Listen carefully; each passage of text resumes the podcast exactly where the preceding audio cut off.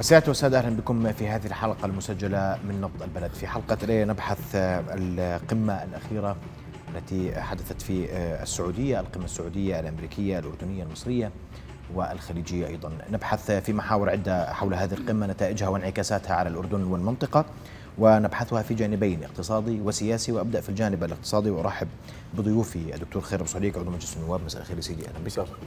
ودكتور موسى شتاوي. مساء الخير دكتور موسى. أهلا بك.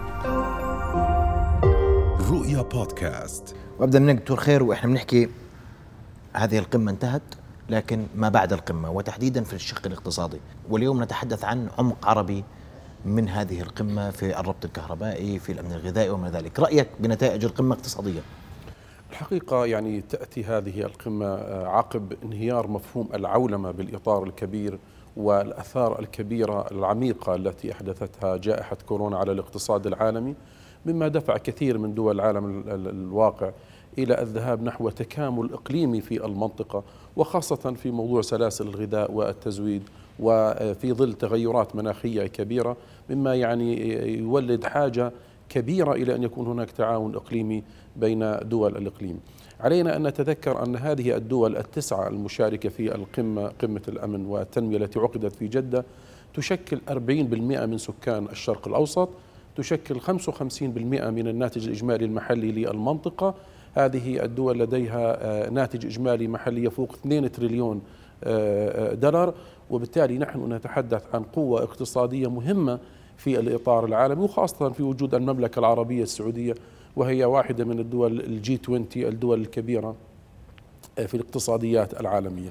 هذا الحقيقة يعني أنه لا بد أن يكون هناك تكامل بين هذه الدول في المنطقة. وأريد أن أستذكر أن أول من قاد هذه الجهود في التكامل العربي هو جلالة الملك آه، عندما قاد محور القاهرة عمان بغداد. ويعني لاحظنا خلال السنتين الماضيات الزيارات المتتالية من قبل جلالة الملك إلى بغداد وأيضا القمة التي عقدت في القاهرة وأخيرا وليس آخرا القمة التي عقدت في العقبة بإضافة دولة الإمارات العربية المتحدة وتوقيع اتفاق للتكامل الصناعي بين هذه الدول. الأردن لديه ميزة نسبية اقتصادية مرتفعة آه، مقارنة مع عديد من الدول الأخرى الأردن لديه رابع احتياط في العالم من مادة الفوسفات. الأردن هو سابع مصدر في العالم لمادة البوتاس. يملك احتياطي من السيليكا كبير. لديه خبرة كبيرة في المجال الصناعي وخاصة في الصناعات ذات القيمة المضافة. وإذا ما تحدثنا عن صناعة الأدوية الأردن يمتلك اتفاقية تجارة حرة مع الولايات المتحدة الأمريكية توصف هذه الاتفاقية بأنها اتفاقية فريدة وربما هناك دولة واحدة في العالم فقط التي لديها هذه الميزة مع الأردن وعديد من الصناعات التي جاءت إلى الأردن واستفادت من هذه الميزة والتصدير إلى الولايات المتحدة الأمريكية وفي مقدمتها صناعة الألبسة. وبالتالي هذه القمة هذا الإطار العام الاقتصادي لظلال هذه القمة. الأردن على المستوى المحلي لديه الحقيقة يعني اهتمام بالتكامل مع دول المنطقة. نحن لدينا يعني بعد آه، الأثار الكبيرة للتغير المناخي. ولاحظ المواطنين يعني في تغير مناخي كبير في لدينا بالأردن. إحنا عندنا شح في المياه. وبالتالي التكامل مع دول المنطقة مطلوب. العراق يعني قبل سنتين كان لديه فائض في القمح وكان يصدر القمح والشعير واعتقادي أنه اليوم لديه اكتفاء ذاتي في هذا الأمر.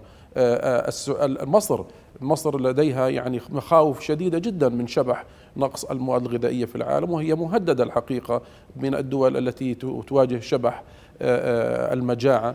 نتيجة الحرب الروسية الأوكرانية وبالتالي لا بد من اتخاذ تدابير في المنطقة.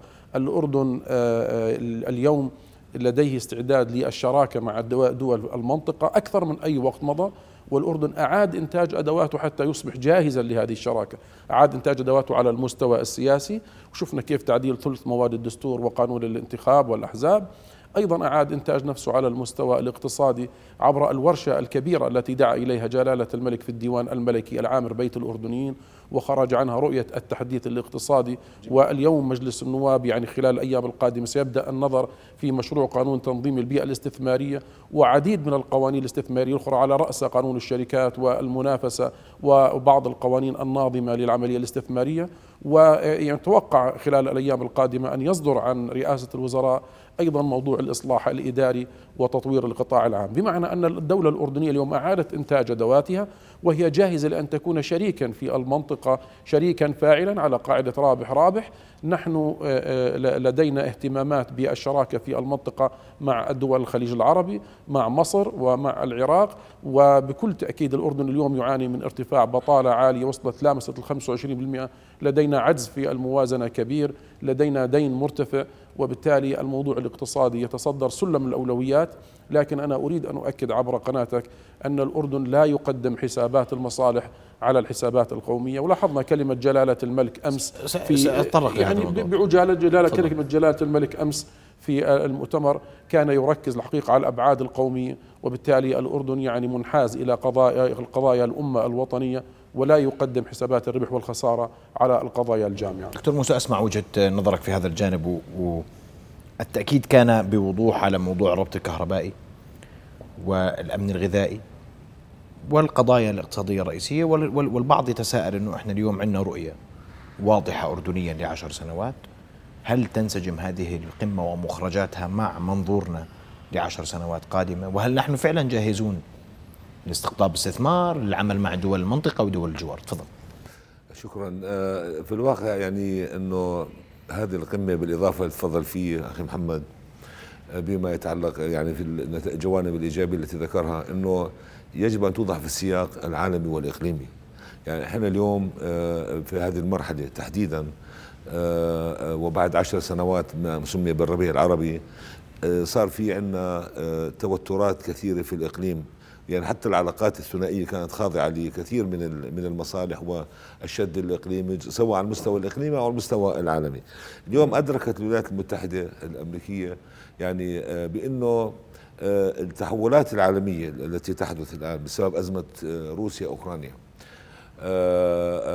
والموقف الأمريكي أو الاستراتيجية الأمريكية التي اتخذتها زمن أوباما إلى حد ما بالخروج من الشرق الأوسط والتركيز على شرق اسيا أصبح يعني شعرت أمريكا أنه يعني هذا ضار جدا يعني وكان خطأ كبير وضار جدا في في في المصالح ال ال الأمريكية الإقليمية العربية. ومن هنا أنا بعتقد يعني من المهم لأن الجانب السياسي لا ينفصل عن الجانب الاقتصادي. اسم القمة الأمن والتنمية. اذا هو في نوع من ترميم العلاقة. ترميم العلاقة. بين الولايات المتحدة وحلفائها التاريخيين. دول مجلس التعاون الخليجي حليف تاريخي للولايات المتحدة. الأردن مصر يعني أيضا يعني العراق يعني بدرجة يعني أقل. بالتالي أنا بعتقد أنه جزء من أهمية البعد الاقتصادي هو إعادة التركيز والأهمية التي تأخذها يأخذ هذا الإقليم من منظور السياسة الأمريكية في في هذا الجانب. هلا ضمن هذا السياق يعني جلالة الملك عندما ذهب آه، وقابل أوباما العام الماضي يعني كان يعني بايدن, بايدن. يعني نعم. كان أنا المعذرة. كان يعني يعني يرقى يعني اللقاء إلى حوار استراتيجي. جلالة الملك أخذ معه كل الملفات الأردنية وغير الأردنية بما في العلاقات الثنائية وفي أزمة سوريا والقضية الفلسطينية والعراق و وبالتالي أنا بعتقد جزء ما من, من, من الذي لاحظناه في هذه القمة يعكس وجهة النظر الأردنية ليس فقط للأردن وإنما أيضا للإقليم. هلا بالأهمية الاقتصادية يعني هناك مستويات مختلفة. أنا بعتقد إنه يجب أن لا ننسى بإنه آه، مجرد وجود في فهم مشترك وتفاهم مشترك وآلية اللي ممكن أن تستمر في المستقبل القضايا الاقتصادية وأهميتها في تأمين الأمن والاستقرار السياسي للمنطقة. هذا في غاية الأهمية. اليوم الاقتصاد راح يكون رافعا لهذا الموضوع. في إدراك واضح يعني من القمة سواء يعني ب ب ب بالبيان الختامي بين الأردن و يعني الولايات المتحدة. في إدراك وقبول لأهمية الدور الأردني استراتيجيا يعني من الناحية السياسية ومن الناحية الاقتصادية. وأيضا هناك إدراك بأنه يعني لابد أن يتم معالجة بعض القضايا الاقتصادية من منظور كما أكد جلالة الملك تشاركي وأقليمي. بدي أذكر إنه جلالة الملك بأزمة كورونا أول واحد أول زعيم ذكر آه، الأمن الغذائي الإقليمي. يعني بده يتكلم مبكرا عن هذا الموضوع. فاليوم واضح إنه في بعض القضايا لا يمكن ان, أن تعالج إلا من منظور إقليمي. وطبعا نتكلم إقليمي إحنا بشكل أساسي الدول العربية. ولنكون صريحين في فترة معينة كان في نوع من التنافس آه، أحيانا ونوع من عدم الوضوح الرؤية عدم الاتفاق على المسار. أنا بعتقد إنه مجرد إذا صار في اتفاق على الدايركشن العام الاتجاه العام وفي التزام يعني كمان آه، آه، أنا اعول كثيرا على ترميم العلاقة بين السعودية والولايات المتحدة. يعني تم توقيع 18 اتفاقية كلنا بنعرف التوتر اللي كان موجود بالسابق. هذا سوف ينعكس ايجابا على الإقليم وعلى الأردن. طبعا آه، اردنيا أكيد إحنا آه، بالإضافة للابعاد الإقليمية للمشاريع الاقتصادية لدينا ملفات ولدينا رؤية يعني آه، التي أطلقت اقتصادية قبل فترة بسيطة. وجزء من هذه الرؤية أنا بعتقد نلمس فيه حتى في المشاريع في هذا البعد الإقليمي في الموضوع. فالتزام الولايات المتحدة بمذكرة التفاهم الدعم المالي للأردن ست سنوات هذا ثقة في الأردن وبايدن يعني أعلن دعمه المطلق. للأردن ولقيادة جلالة الملك في هذه القمة وهذا شيء مهم سوف ينعكس أيضا ليس فقط على علاقتنا مع الولايات المتحدة وإنما على قدرة الولايات المتحدة على التأثير على الشركاء فيما يتعلق في في الاستثمار. من هنا تأتي مثلا يعني تركيز بايدن على أن الأردن ممكن يكون مركز أمن مركز إقليمي في البنية التحتية. بنتكلم عن هنا المواصلات ممكن السكك الحديدية الربط الكهربائي نتكلم على الأمن الغذائي. فأنا بعد يعني نتأمل أنه يعني على الأقل أنه هذه القمة يعني بدأت في عادة آه، آه، ترتيب يعني العلاقة. ومباركة هناك مباركة للجهود الثنائية أو الثلاثية أو الرباعية. يعني على سبيل المثال أكدت يعني وخاصة تحديدا يعني الرئيس بايدن على آه، الجهود المبذولة بين الأردن ومصر والعراق والإمارات في في مواضيع العلاقات والشراكة الاقتصادية. اليوم إحنا يعني نقبلين إن شاء الله نأمل يعني إنه طبعا هذا بده ترجمة هذا مش راح يكون تلقائي. يعني ممكن نكون مقبلين على يعني تعاون يعني إقليمي عربي آه، أمريكي كويس. أكثر في إحنا جاهزين إحنا اليوم الأردن يريد يريد يريد أن يكون جاذبا للاستثمار والأردن يريد أن يتقدم خطوة للأمام وأن يكون مركزا اقليميا وهذا هذا كلام يذكره جلالة الملك في كل مكان على الجميع أن يهيئ الأردن ليصبح مركزا اقليميا آه، آه، قادرا على تقديم خدمات مميزة واليوم دكتور خير أنت بتقول أمام مجلس النواب الأربعاء المقبل ينعقد المجلس في أولى جلساته وعندكم كثير من القضايا المرتبطه برؤية التحديث الاقتصادي إن صح التعبير والبيئة الاستثمارية في الاردن، إحنا جاهزين؟ هل عندنا جدية اليوم تلمس هذه الجدية؟ الدولة الأردنية أخي الكريم لديها جدية أكثر من أي وقت مضى وكما أسلفت لحضرتك أنه فعلا أعادت إنتاج أدواتها على المسار السياسي وعلى المسار الاقتصادي وحتى على المستوى الإداري. واليوم حتى بدي أحكي في المسار الاقتصادي لما يعني رؤية التحديث الاقتصادي صدرت. هذه رؤية يعني لا ليس لا لم لم تخرج هذه الرؤية لتوضع على الرفوف. هذه الرؤية يعني يجب أن تطبق. وليها لديها جداول زمنية وليها مؤشرات لقياس الأداء. وأنا أؤكد لك أن القوانين التي يتم تغييرها حاليا والتي سترسل إلى مجلس النواب جزء منها سيرسل على الدورة الاستثنائية القادمة التي دعا إليها جلالة الملك في العشرين من هذا الشهر يوم الأربعاء القادم وجزء منها سينتقل إلى الدورة العادية القادمة. في مقدمة هذه القوانين قانون تنظيم البيئة الاستثمارية قانون الشركات وقانون الإعصار وقانون معدل لقانون الضريبة العامة على المبيعات. وبالتالي الأردن فعلا يعني الآن جاهز ليدخل بشراكات وشراكات حقيقية. أيضا ليس فقط على المستوى التشريعي بل على المستوى الإجرائي الخطوات السابقة لكل هذا العمل التي قام بها جلالة الملك من خلال الاتصال مع الرئيس الوزراء العراقي والرئيس المصري وعقد الاجتماعات المتكررة خلال السنتين الماضيات حتى أن الرئيس الأمريكي في قمة جدة أمس أشاد باتفاق التعاون بين القاهرة وعمان وبغداد. وخلال قمة العقبة تم انضمام الإمارات تحت عنوان التكامل الصناعي بين هذه الدول. وتم الإشادة الحقيقة بتجربة الأردن في الصناعات ذات القيمة العالية. الأردن اليوم لديه مشاريع تنموية كبيرة يريد أن يدشنها وقد انتهت تقريبا الوثائق اللازمة لإعطاء مشروع الناقل الوطني لتحلية مياه البحر الأحمر ونقلها إلى العاصمة عمان. ويعني قريبا سيتم إطلاق هذه الوثائق وطرح هذا المشروع بالإضافة إلى العديد من المشاريع الأخرى المتعلقة بالبنية التحتية والنقل وغيره.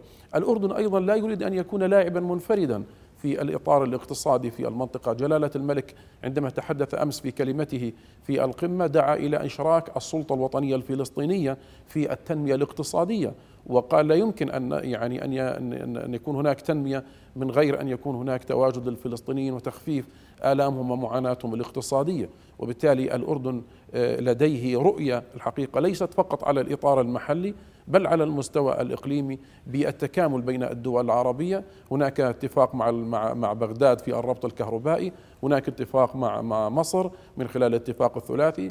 الإمارات سوف تقوم بتمويل بعض المشاريع المتفق عليها وقد أعلنت عن ذلك صراحة. جلالة الملك يدعو إلى شراك السلطة الوطنية الفلسطينية. وبالتالي أنا بعتقد الأردن اليوم جاهز أكثر من أي وقت مضى لأن يدخل في شراكة حقيقية. وهذا الجهد الذي يقوده الأردن بقيادة جلالة الملك يحظى باحترام دولي كبير. علينا أن نتذكر أن مذكرة التفاهم آه، المعمول بها حاليا بين الولايات المتحدة الأمريكية والأردن والتي بدأت من سنة 2018 وتنتهي هذا العام كانت تستهدف توجيه مليار و275 آه، مليون دولار آه، دعم إلى الأردن.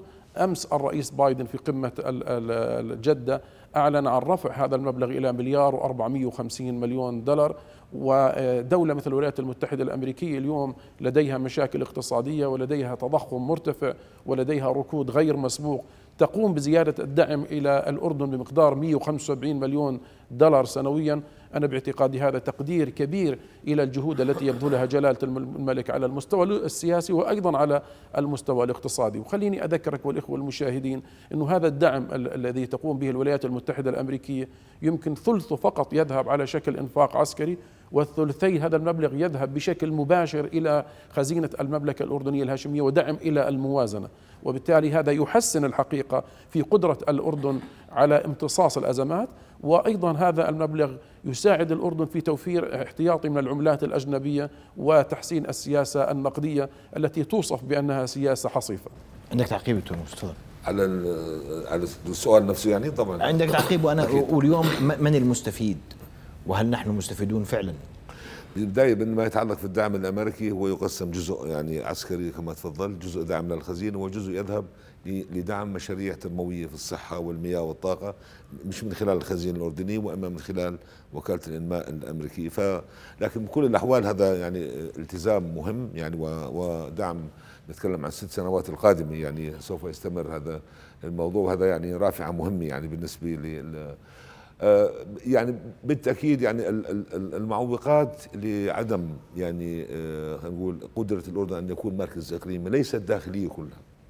ليست داخلية وليست اقتصادية دائما إحنا بنعرف إنه كان في معوقات سياسية وأنا عشان هيك بعتقد اليوم يعني إذا بندخل البعد السياسي في هذه القمة.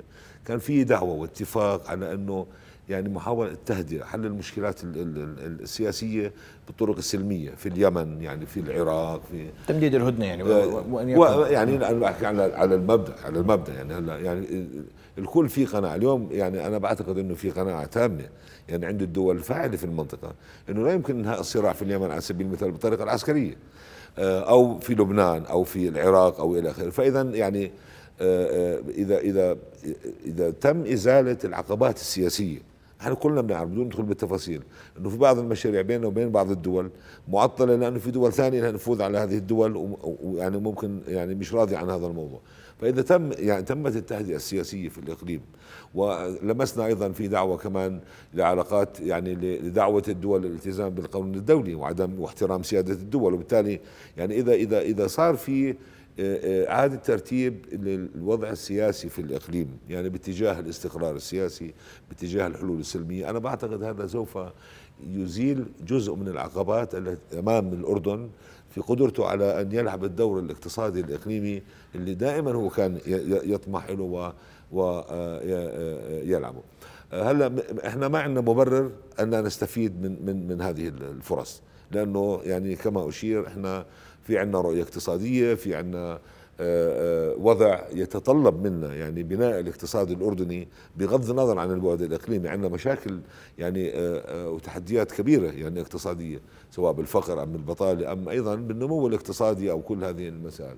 فأنا بعتقد إذا إذا كان في ميزة إيجابية بنأمل إنها تتحقق إنه اليوم كمان هذه الشراكات الثنائية اللي بيننا وبين بعض الدول العربية يعني إذا في اتفاق حولها يعني وفي مباركه لها ممكن كما أشرت يعني حتى حتى بالأمس يعني الرئيس بايدن أشار بالاستثمارات السعودية في الأردن استثمارات الإمارات العلاقات يعني, يعني الربط الكهربائي هو أحد الأمثلة الموجودة على الموضوع. نعم.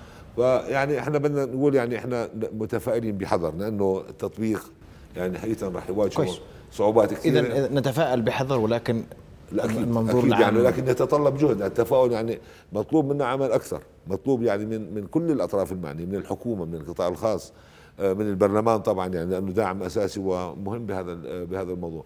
يعني هذه هذه مسألة وطنية ليست مسألة يعني قرار لحكومة أو شيء هذا رؤية دولة. جميل. وموقف دولة ومصلحة دولة وبالتالي الكل معني إنه يبذل أفضل ما عنده من جهد وأكثر وأقصى ما عنده من جهد. نعم. بدي أشكركم كل الشكر آه، ضيفي الكريمين شرفتوني بحضوركم مشاهدينا بعد فاصل قصير. نتوجه إلى الملف السياسي الذي يرتبط جملة وتفصيلا من الملف الاقتصادي. فاصل ثم نواصل ابقوا معنا.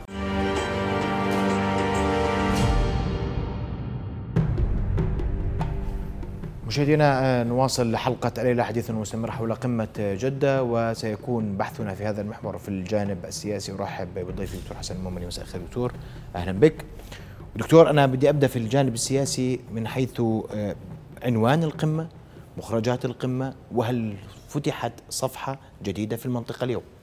مساء الخير لك وللمشاهدين الكرام. لا شك عنوان القمة حقيقة هو الأمن والتنمية في هذا الجانب وطبيعي الأمن بمفهوم الشمولي والتنمية بمفهوم الشمولي نظرا لترابط كلا الأمرين بهذا الأمر. الأمن والاستقرار ينتج التنمية والتنمية تنتج أمن واستقرار في هذا الجانب. وأعتقد أنه الآن في القرن الواحد وعشرين أمام هذه التحديات الأزمة الأخيرة في في أوكرانيا حقيقة أثبتت أنه العالم إلى حد ما قد يكون هش في هذا الجانب. وبالتالي مسألة الأمن ومسألة التنمية بتكون عرضة للخطر. وبالتالي آه وقبل ذلك كانت كوفيد 19 اللي هو هذا بهذا الجانب. فلذلك الآن بدأنا نشهد في كثير من مناطق العالم بالذات في منطقتنا اهتمام كبير في مسألة الأمن لطالما كان اهتمام والتنمية لطالما كانت اهتمام لكن نتيجة لهذه التحديات اللي حصلت سابقا وللآن موجودة أصبحت مسألة الأمن وال وال والاستقرار ومسألة التنمية حاجة ملحة حاجة ضرورية حتمية بهذا الجانب. لذلك طبيعي آخذين بعين الاعتبار أهمية العلاقة ما بين الطرفين سواء كانت الولايات المتحدة الأمريكية كقوة عظمى أكبر اقتصاديات وكل هذا الجانب والمنطقة العربية وهنا نتحدث عن عشر دول وازنة في المنطقة سياسيا اقتصاديا وغيره ومرتبطة في شراكات استراتيجية بكافة السياقات مع الولايات المتحدة الأمريكية في هذا الجانب. وهذه المنطقة أيضا تعاني من كثير من الأزمات وحاليا ونتيجة للتحول في في, في القوة في العالم وكل هذا الأمر يبدو أن الولايات المتحدة الأمريكية وبالذات هذه الإدارة عادت اكتشاف أهمية هذه المنطقة في هذا الجانب وبالتالي جاءت وحصل هذا الأمر اللي هي القمة القمة نتاج تحضيرات مسبقة نتاج اشتباك حقيقة مستمر ما بين هذه الدول وما بين الولايات المتحدة الأمريكية نتاج تطورات جيوسياسية بالذات. أزمة أوكرانيا وما ترتب عليه من هذا من هذا الأمر التنافس الدولي الحاصل الصين كل هذه الأمور وطبيعي لا شك إيران وإسرائيل لاعبان رئيسيا في هذا الأمر وأيضا القاسم المشترك بين هذه الدول وبين الولايات المتحدة الأمريكية. الآن من حيث المخرجات إذا بتلاحظ البيان المشترك شمولي حقيقة لامس كل قضايا المنطقة وحتى القضايا الثنائية المتعلقة في كل دولة لامسها في هذا الجانب. مثال على ذلك الأمن المائي المصري مسألة بالنسبة للأردن قضية مركزية مسألة القضية الفلسطينية الوصاية الهاشمية كل هذا الجوانب فهذه الآن طبيعي مما لا شك فيه هي صفحة جديدة في سياق السياسة الدولية للشرق الأوسط وفي سياق العلاقة الأمريكية في الشرق الأوسط، الآن من وجهة نظر الأمريكية بأن هنالك أخطاء من إدارات سابقة أمريكية. آه هذه الأخطاء طبيعي في التعاطي مع الشرق الأوسط من انسحاب من تذبذب في العلاقة وكل هذا الجانب، وهذه الإدارة بعد سنتين من قدومها أخذت على عاتقها مسألة إعادة تعيير وتوجيه هذه العلاقة وأن الولايات المتحدة الأمريكية سوف تلتزم وسوف تدعم المنطقة وبالتالي لن تتخلى عن المنطقة في هذا الجانب في هذا الاتجاه. فهي من حيث الناحية السياسية يعتبر منجز بغض النظر ما لنا عليها من مآخذ لكنها من حيث الناحية السياسية والاقتصادية وفي سواء الاتفاقيات اللي وقعت بشكل ثنائي الموضوع السعودية مع مع الولايات المتحدة الأمريكية موضوع الأردن مثلا تمديد المنحه الاقتصادية والمالية بهذا الجانب. الأشياء اللي تحدثوا عنها موضوع الأمن الغذائي وأمن الطاقة وكل هذه الجوانب الأسابيع القادمة حقيقة طبيعي سوف تثبت فيما إذا كانت هذه القمة ناجحة بالمعنى أو أنها كانت عبارة عن تظاهرة سياسية آآ آه، آآ آه، لم تؤدي إلى نتائج. كيف يمكن لنا لك توصيف ناجحة أو غير ناجحة؟ هلا ناجحة من خلال عملية التقييم. الولايات المتحدة الأمريكية في سياق التنمية مثلا أعلنت عن مليار من أجل التنمية والغذاء وأيضا يفترض مجلس التعاون الخليجي 3 مليارات، هل هذا سوف يترجم في هذا الجانب؟ تحدثنا عن أمن الطاقة، صار في اتفاق ما بين العربية السعودية والولايات المتحدة الأمريكية وكان الرئيس الأمريكي متفائل بأن الأسابيع القادمة سوف يبدأ زيادة إنتاج آه، النفط وبالتالي حدوث استقرار في هذه المنطقة. الأسابيع القادمة في حتى في سياق القضية الفلسطينية بالمناسبة أعلن 100 مليون أعلن عن إجراءات أعلن كل هذه الجوانب كل هذه الاتجاهات في مسائل عديدة متعلقة في هذا لذلك الأسابيع والشهور القادمة. الآن أضف إلى ذلك عملية التقييم. هل الأطراف سوف أيضا تستمر في الاشتباك وبت من أجل ترجمة ما اتخذ عليه، هذا جميل جدا أن تعقد قمة لكن الجميل أكثر هو أن يتم إيش؟ متابعة ما يتم اتخاذه من قرارات والاستمرار في هذا الجانب البناء على المخرجات. البناء على المخرجات. أضف إلى ذلك لابد الآن دعنا نرى هذا السياق الجمعي اللي يتشكل في جدة كيف سيتعامل مع التطورات الدولية. الآن نتحدث عن سياسة دولية متطورة ديناميكية. قد يكون في هنالك مثلا تطورات في الملف النووي الإيراني. هل اتفاق أو غير اتفاق في هذا الجانب؟ مسألة أوكرانيا مسألة العلاقة مع الصين كل هذه الجانب كل هذه لذلك الأسابيع والشهور القادمة هي اللي راح تثبت أنه هل الأطراف راح تحافظ على زخم هذه المخرجات أم لا في هذا الأمر؟ وباعتقادي الاسابيع القادمه سوف لابد من أن نرى كيفية عودة الولايات المتحدة الأمريكية والتزامها في المنطقة والتزام بكل هذه الجوانب وكل هذه عودة أمريكية تصفها ما حدث عودة أمريكية للمنطقة أم مجرد حالة حالة النفط وحالة ارتفاع وحالة الحرب الروسية الأوكرانية عادت التفات الولايات المتحدة الأمريكية للمنطقة؟ هلا هو الحرب الأوكرانية واحدة من العناوين حقيقة الدولية. والعالم والديناميكيات السياسية الدولية مرشحة بأن يكون هناك كثير من القضايا بهذا الجانب والتحديات كبيرة عند الحديث عن أمن الطاقة أنت بحاجة للمنطقه وبحاجة للولايات المتحدة الأمريكية بحاجة إلى قوة أخرى بهذا الجانب. في موضوع التنمية وهذه الشركات فبالتالي لا أنا بتقدير الخاص يعني هو عودة بسياق مختلف. المنطقة منذ تسعينيات القرن الماضي تعودت على تدخل أمريكي إلى إلى غاية 2008 أو 2013 تدخل مباشر عسكري وغيره كل هذه الجوانب. ثم بعد ذلك منذ 2013 إلى تقريبا غاية كان في هنالك عبر الإدارات السابقة مسألة انسحاب تدريجي من المنطقة في سياق التدخلات العسكرية. الآن بايدن جاء على هدف إعادة تعيير العلاقة إعادة توجيه العلاقة ضمن أسس دون أن يكون هنالك تدخلات عسكرية وهو تحدث أنه الآن هو جاء على شرق أوسط مختلف عن السابق بهذا الجانب. بتقدير الخاص الآن قيادات المنطقة دول المنطقة يمكن الآن صارت أكثر قدرة أكثر ثقة في قدراتها وفي نتحدث الآن عن المبادرات وغيره واشتباك. وأعتقد أنه المواجهة الروسية الغربية وتداعياتها موضوع الصين أيضا فتح فرصة للمنطقة عندنا حتى بالتالي نكون لاعبين في هذه التحولات الدولية وازدادت أهمية منطقة الشرق الأوسط سواء في الطاقة سواء في الممرات المالية اللي بايدن إذا بتتذكر في في كلمته في المؤتمر حدد خمس نقاط اللي هي راح تحكم استراتيجية الولايات المتحدة الأمريكية باتجاه المنطقة. ذكر بشكل رئيسي موضوع الممرات المائية ذكر موضوع الأمن الطاقة ذكر إنه آه، لابد من التعامل مع النظام الدولي الحالي الآن اللي هو قائم على أساس المبادئ. بهذا الجانب تحدث عن حقوق الانسان تحدث عن كل هذه الخمس نقاط اللي تحكم. وأيضا على التطورات اللي خاصة في المنطقة. ولا تنسى أن المنطقة وهذا الاجتماع القمة جاء على إيش؟ جاء على حراك دبلوماسي اقتصادي نشط في المنطقة منذ سنوات.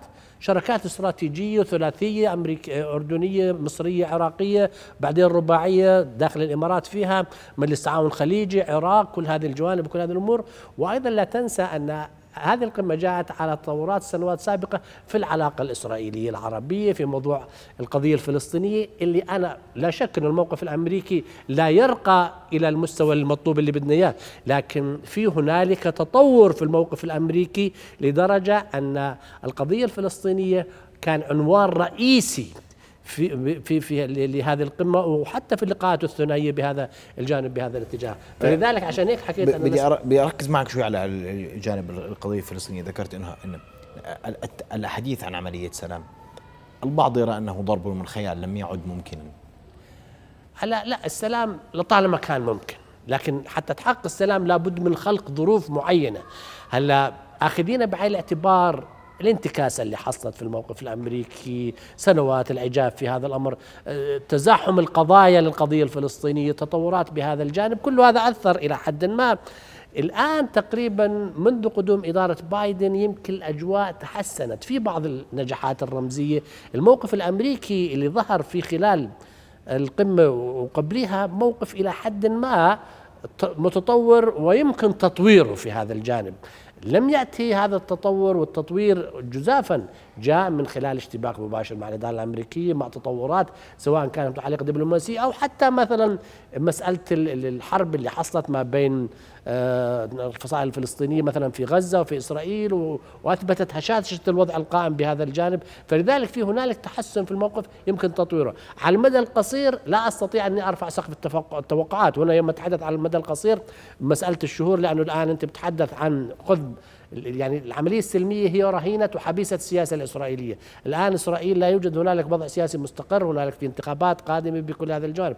هلا إذا بدي أتحدث عن سيناريو افتراضي ملائم أنه نقول والله تحدث انتخابات إسرائيلية وتؤدي إلى إلى بروز نخبة تؤمن مثلا بحل الدولتين ترتيب الوضع الداخلي الفلسطيني بهذا الجانب منطقة إقليمية أصبحت القضية الفلسطينية استردت أولويتها بالنسبة لها في هذا الجانب. موقف أمريكي أكثر نشاطا وفاعلية من الحالي على مستوى الإدارة وعلى مستوى الكونغرس. هذه كلها قد تخلق ظروف تؤدي إلى استئناف العملية السياسية بهذا الأمر بهذا الجانب. هل ترى هذا هذا هذا أمل منظور أم هذا توقع؟ على المدى على المدى القصير لا يعني لا لكن على المدى المتوسط ممكن حدوث هذا الأمر لأنه في نهاية المطاف هنالك احتمالات مختلفة. هنالك في كثير من الأحيان قد تحدث تطورات تخربط الأوراق كلياتها بهذا الجانب بهذا الاتجاه. يعني لو لو قبل عام الناس كانت تتحدث عن على لطالما كان متوقع أن يصير في تصادم بين القوى الكبرى لكن ما كان حدا يفكر بأنه تحصل في أوكرانيا مشكلة زي هيك وبالتالي يكون في لها التأثير بهذا الجانب. كوفيد 19 أبد ما واحد كان متفكر فيه. هذه ديناميكيات السياسة الدولية وهنا تكمن مسؤولية الدول والقادة في إدارة مثل هكذا أزمات من أجل إيش؟ من أجل تحقيق المصالح. فمستوى القضية الفلسطينية لا شك الموقف ليس بالمستوى المطلوب لكن أنا بتقدير الخاص يعني ما زال في سياق شيء بسموه إدارة النزاع. لكن في موقف أمريكي بتطور يمكن تحفيز الموقف الأمريكي حقيقة من خلال خلق ظروف موضوعية وهذا بتقديري كان هدف الاشتباك الدبلوماسي الأردني المكثف مع الإدارة الأمريكية ومع الأطراف المعنية في المنطقة. أنت قبل لا يذهب جلالة الملك آه، إلى إلى إلى إلى إلى أمريكا ذهب إلى رام الله واجتمع مع الرئيس عباس وصار في حديث بهذا الجانب بهذا الاتجاه. التنسيق مع المصريين. تقرأ عن زيارة بايدن التي آه، يعني قام بها للاحتلال وللسلطه الوطنية الفلسطينية تقرأ أن هذه الزيارة قد تأتي آه، كلها ويكون في نتائج إيجابية لها لأن البعض يقرأ أن هذه الزيارة كانت بروتوكولية لا أكثر. هلا قد ينظر إليها بروتوكولية على قطع لكن لا في بعض الإنجازات في في إنجازات جزئية.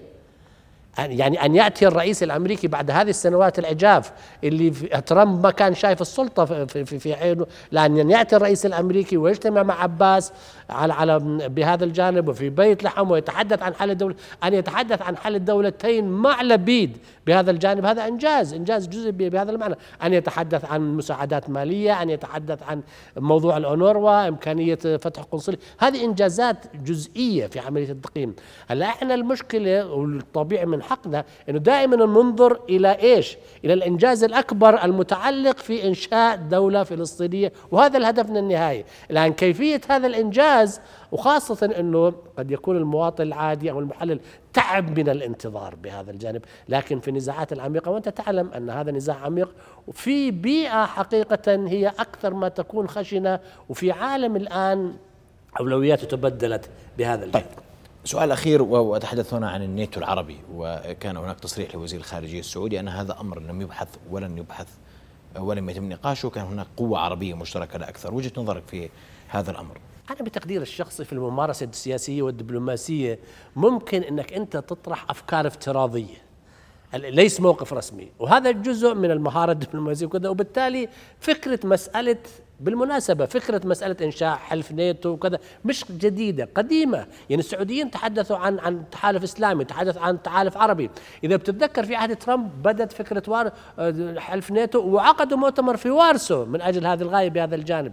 هلا صار في حديث وهذه أفكار يمكن أنت تطرحها بهذا الجانب لكن كانت كلها صراحة مشروطة إذا ما تحققت هذه الظروف بهذا المدى لكن أنا بالتقدير الشخصي يمكن تباين المواقف النقاش اللي حصل ما قبل القمة أجهض هذه الفكرة وبالتالي لم تعد مطروحة بهذا الأمر. لكن دعني أؤكد أن يعني هذه العشر دول مع الولايات المتحدة الأمريكية يعني مرتبطين في سياقات استراتيجية وفي اتفاقيات قد ترقى إلى مسألة تحالف بهذا الجانب. وهذه الدول ما هي أيضا شركاء استراتيجيين مع حلف الناتو.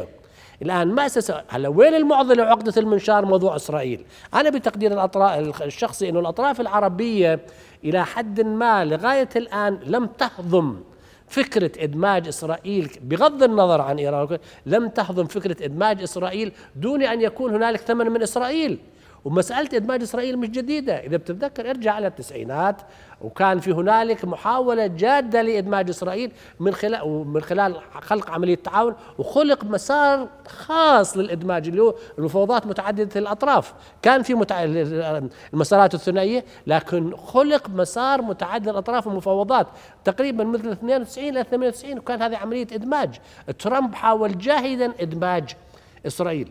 الآن الدول حتى الدول نفسها اللي عملت علاقات سلم مع إسرائيل واللي أيضا آه، اسست علاقات دبلوماسيه يمكن حاليا وفي ضمن هذه الظروف لم تهضم فكرة أن تدخل إسرائيل وتدمج في هذا الأمر. دكتور بشكرك كل الشكر على وجودك معنا شرفنا بحضورك شكرا جزيلا. مشاهدينا نواصل حوارنا في هذه الحلقة التي نخصصها لموضوع زيارة بايدن المنطقة أرحب بضيفي دكتور زيد النوايسي الخبير الاستراتيجي مساء الخير دكتور. مساء الخير يا سيدي. ودكتور ممكن تحدثنا في المراحل أو في في في المحورين السابقين عن جانب الاقتصادي جانب القمة التي حدثت في جدة والسؤال زيارة بايدن بمجملها للمنطقة كيف نقيمها؟ هل فعلا هناك انعكاسات حقيقية على المنطقة عقب هذه الزيارة؟ شكرا. يعني اولا يجب قراءة الزيارة في سياق الظروف الدولية والإقليمية التي فرضت حدوثها في هذه الفترة الزمنية بالذات، الكل يعلم أن الولايات المتحدة الأمريكية اليوم منخرطة في أزمة دولية كبرى بفعل الحرب الروسية الأوكرانية. هنالك ظروف اقتصادية صعبة تمر بها الولايات المتحدة الأمريكية. الإدارة تحديدا الإدارة الديمقراطية الحالية مقبلة خلال الأشهر القليلة القادمة على انتخابات المنتصف والتي ستؤثر على مستقبل الديمقراطيين في الكونغرس. الملامح والمؤشرات بفعل الظروف الاقتصادية تعطي انطباع بأن الديمقراطيين يواجهوا معركة صعبة قد يعني يخرجوا من الكونغرس ويسيطر عليه الجمهوريين. بالتالي يعني بالرغم من نفي آه، آه، إدارة الرئيس بايدن أن الهدف الأساسي هو النفط والطاقة إلا أنا أعتقد أنها حاضرة. ربما الولايات المتحدة الأمريكية حققت بعض الإنجازات وأعلن الرئيس بايدن في مقاله في الواشنطن بوست وتحديدا الواشنطن بوست وموقفها من بعض القضايا في المنطقة بأنه قادم للمنطقة من أجل المحافظة على نفوذ الولايات المتحدة الأمريكية والشراكات الاستراتيجية التي حققتها منذ زمن بعيد منذ يعني اللقاء الأول مع فرانكلين آه، روزفلت سنة 1945 خشية أن يكون هناك تمدد للصين المنافس الاقتصادي وأيضا حضور روسي متنامي وهو وهي اليوم بالنسبة للولايات المتحدة الأمريكية الخطر والتهديد الرئيسي. لذلك يعني على صعيد الأمريكي أعتقد أن الزيارة حققت نتائجها. بقية الأطراف أيضا الحاضرة في القمة التي عقدت في مدينة جدة السعودية. كل طرف حقق مكاسب المملكة العربية السعودية التي مرت علاقتها بفتور قوي مع هذه الإدارة تحديدا حتى من منذ الحملة الدعائية. اليوم تشعر بحالة آه، استرخاء ويعني حضور فاعل واستطاعت أن تفرض يعني جزء من شروطها الأساسية على هذه الإدارة سواء فيما يتعلق بطبيعة العلاقة بين الإدارة الأمريكية والمملكة العربية السعودية. وأيضا سواء في ملف اليمن أو ملف صحفي خاشقجي أيضا في ملف الملف النووي الإيراني وهو الشاغل الأساسي الذي يعني دول الخليج تحديدا بالدرجة الأولى والأطراف العربية الحاضرة في القمة لديها مقاربة واضحة فيما يتعلق بخطورة إنجاز اتفاق يخدم المصالح الأمريكية بدرجة الأولى ولا يراعي مصالح دول الخليج فيما يتعلق بالأمن القومي لها. بدي أركز في الجانب الفلسطيني القضية الفلسطينية والوصايه الهاشمية، تركيز القمة على الوصايه الهاشمية و الامل في أن آه، آه، تتقدم عملية السلام؟ شوف فيما يتعلق بالقضية الفلسطينية والوصايه الهاشمية علينا أن نجزئ.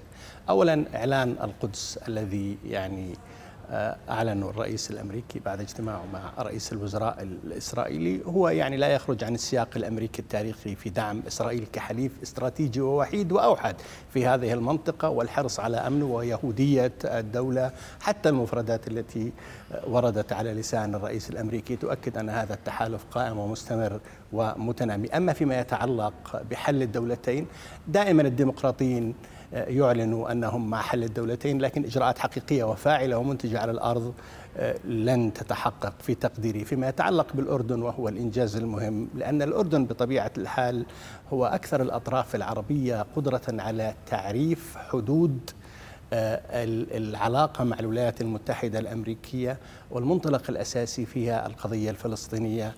وضرورة إنجاز تسوية عادلة لهذه القضية لأنه جلالة الملك أشار في خطابه في القمة بأنه ما لم يتم إنجاز تسوية قائمة على حل الدولتين بما يضمن قيام دولة فلسطينية مستقلة على حدود الرابع من حزيران وعاصمتها القدس الشرقية. أعتقد أننا مقبلون على أزمات. حتى لو حاولت الولايات المتحدة الأمريكية خلق تنمية وازدهار اقتصادي وربما وفرت مناخ يحول دون استهداف قوى إقليمية أخرى. الحديث اليوم بصراحة عن الاستهداف الإقليمي لإيران وخطورة حصولها على سلاح نووي. ولكن أيضا في تقديري أن إسرائيل أيضا هي خطر إقليمي يجب أن لا يتم التجاوز والأردن يقرأ هذه المعادلة جيدا. الولايات المتحدة الأمريكية تدرك أهمية دور الأردن كعنصر توازن ووسطية واعتدال وكطرف رئيسي يعلي من أهمية الوصول إلى تسوية في هذه القضية. الوصاية الهاشمية اليوم آه، آه، تتأسس شرعيتها ليس فقط الشرعية الدينية التي يملكها أو تملكها القيادة الهاشمية وجلالة الملك عبد الله الثاني وهناك إجماع عربي وإسلامي. اليوم هناك شرعية دولية من الولايات المتحدة الأمريكية تقول بوضوح أن الأردن هو الوصي على الأماكن المقدسة الإسلامية والمسيحية وأهمية المحافظة على المكانة التاريخية والبعد القانوني وضع مدينة القدس آه، الشرقية. هذا إنجاز كبير الأردن عمل عليه بشكل دائم ومستمر سواء مع الإدارات الأمريكية المتعاقبة. صحيح أن إدارة الرئيس ترامب ذهبت بعيدا وحاولت أن تشاغب على هذه الوصايا سواء من إصرارها على نقل السفارة أو من خلال طرح مشروع التصفية صفقة القرن ولكن الأردن استطاع بفعل اشتباكه مع دوائر صنع القرار في الإدارة الأمريكية وعلى المستوى الدولي أن يعيد السكة إلى مسارها الطبيعي وهذا بطبيعة الحال الجهد الكبير يشكل يعني يسجل لجلالة الملك ولحضوره الفاعل سواء داخل الولايات المتحدة الأمريكية وعلى الصعيد الأوروبي وعلى الصعيد الدولي بشكل عام. نعم. دكتور زيد أشكرك كل الشكر على حضورك معنا تعليقك على هذا هذه القمة وهذه الزيارة. أشكرك كل الشكر شكرا شكرا سيدي. مشاهدينا الكرام إلى هنا إذا نكون قد وصلنا لختام حلقة الليلة من نبض البلد. وكما حدتموها كانت ولا تزال. واستبقى دائما معكم منكم وإليكم. نلتقي غدا. تصبحون على خير. رؤيا بودكاست.